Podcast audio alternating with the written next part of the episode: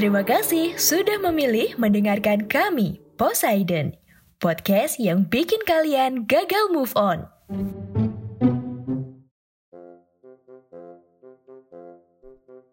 Korea Utara dan Korea Selatan ibarat dua anak kembar yang beda didikan.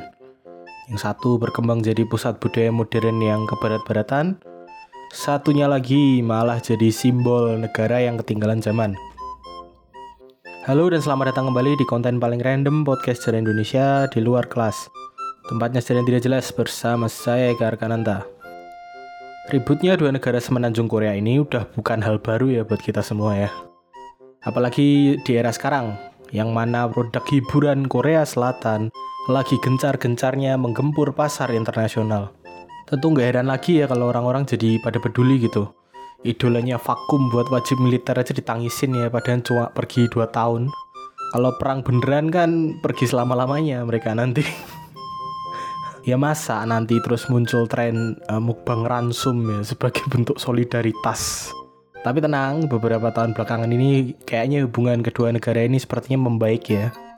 Dilihat dari beberapa kebijakan yang kayaknya mau ada rekonsiliasi gede-gedean ya di sana walaupun ya sama aja ya di setiap tahunnya Korea Utara tetap aja ngelakuin uh, uji coba rudal balistiknya ya. Kayak tradisi gitu loh gangguin tetangga tuh tradisi gangguin negara lain tuh. Kalau di pemukiman nih kayak tetangga yang tiap hari tuh nyetel musik kenceng gitu ya pakai speaker uh, Simbada yang bassnya udah jebol gitu ya. Terus kalau manasin kendaraan digeber-geber terus uh, melihara ayam gitu ya sampai masuk ke rumah-rumah orang ya tetangga yang jengkelin ya yang juga diingetin juga nggak berpengaruh. Ketegangan dua negara ini tuh udah berlangsung uh, sejak berakhirnya perang Korea ya di tahun 1953 dan ini tuh nggak sekali dua kali menimbulkan berbagai insiden ya. Entah itu sengaja apa nggak disengaja gitu. Termasuk kejadian yang akan kita bahas kali ini yaitu insiden Sokcho. Sokcho ini adalah sebuah uh, kota yang letaknya tuh lumayan dekat sama DMZ ya di militarized zone miliknya Korea Selatan yang juga jadi salah satu daya tarik wisata buat para wisatawan buat datang ke sana ya. Insiden ini tuh terjadi pada 1998, tepatnya tanggal 22 Juni 1998. Insiden ini tuh bermula dari sekelompok nelayan yang pergi melaut ya seperti biasa ya cari ikan. Ini justru mendapati sesuatu yang tidak biasa kesangkut di jaringnya kayak tangkapan kali ini tuh berat banget ya. Kayak kasus pelanggaran HAM gitu berat sekali. Lain-lain tadi kan gembira ya. Karena dapat banyak dikiranya terus ditarik kan jaringnya ke atas.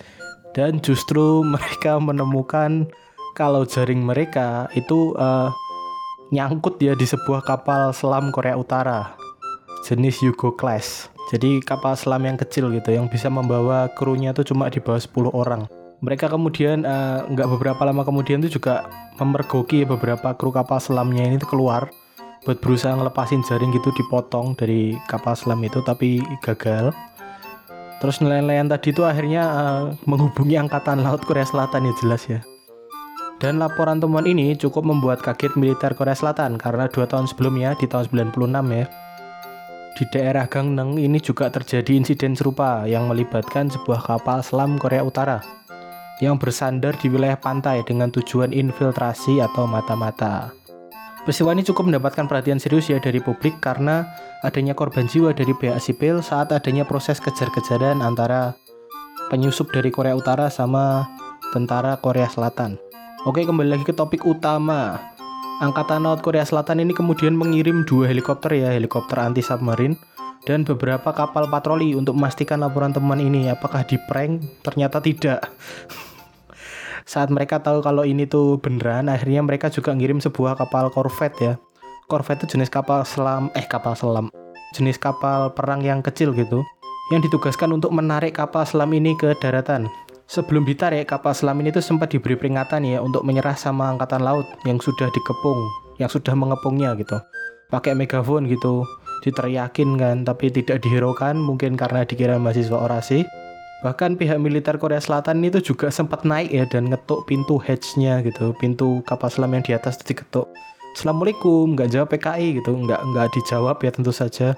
Kemudian saat kapal selam ini ditarik menuju pelabuhan ya kapal selam ini tenggelam. Ya karena kapal selam ya. Tapi uh, yang kali ini mereka tuh nggak tahu kapal selam ini menenggelamkan diri atau memang terjadi kerusakan ya karena kesangkut tadi kan. Dan baru tiga hari kemudian di tanggal 25 Juni 1996 kapal ini baru bisa diangkut ke pelabuhan Waktu dicek, ini tuh sekitar ada 9 awak kru ya yang semuanya udah meninggal. Empat di antaranya ini anggota Special Force pasukan khusus Korea Utara yang bunuh diri. Dan lima anggota lain tuh operator kapal yang dibunuh sama empat orang tadi. Kayaknya ini memang protokol wajibnya tentara Korea Utara ya. Uh, jadi mereka nggak mau ditangkap, mereka milih bunuh diri daripada diinterogasi.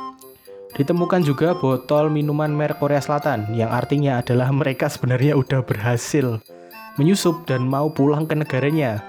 Waktu mereka tersangkut di jaring nelayan seperti sampah plastik ini ya.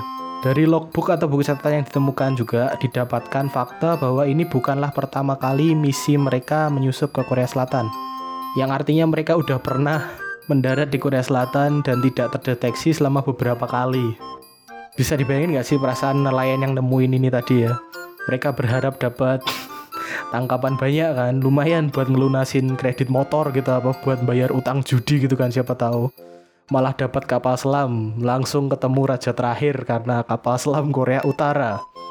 Oh iya pihak Korea Utara juga sempat mengakui ya kalau mereka tuh kehilangan kapal selam. Tapi alasan hilangnya adalah hilang saat latihan Korea Utara memang sukanya gitu ya uh, latihannya langsung praktek gitu di lapangan kalau sukses ya alhamdulillah, kalau gagal ya tinggal ditutupin pakai berita palsu kayak itu tadi. Pesan yang bisa kita ambil dari pembahasan kali ini adalah uh, hati-hati ya kalau kalian mencari ikan di lautan Korea, terutama kalau kalian nelayan. Karena kalau tidak beruntung Anda bisa berurusan sama pasukannya Kim Jong Un. Terima kasih sudah mendengarkan episode ini. Kritik dan sarannya bisa dikirim ke Instagram at podcast underscore sejarah Indonesia atau ke Instagram saya di @rotikecap. Kurang lebihnya saya mohon maaf. Sampai ketemu di konten Poseidon yang lainnya. Bye-bye.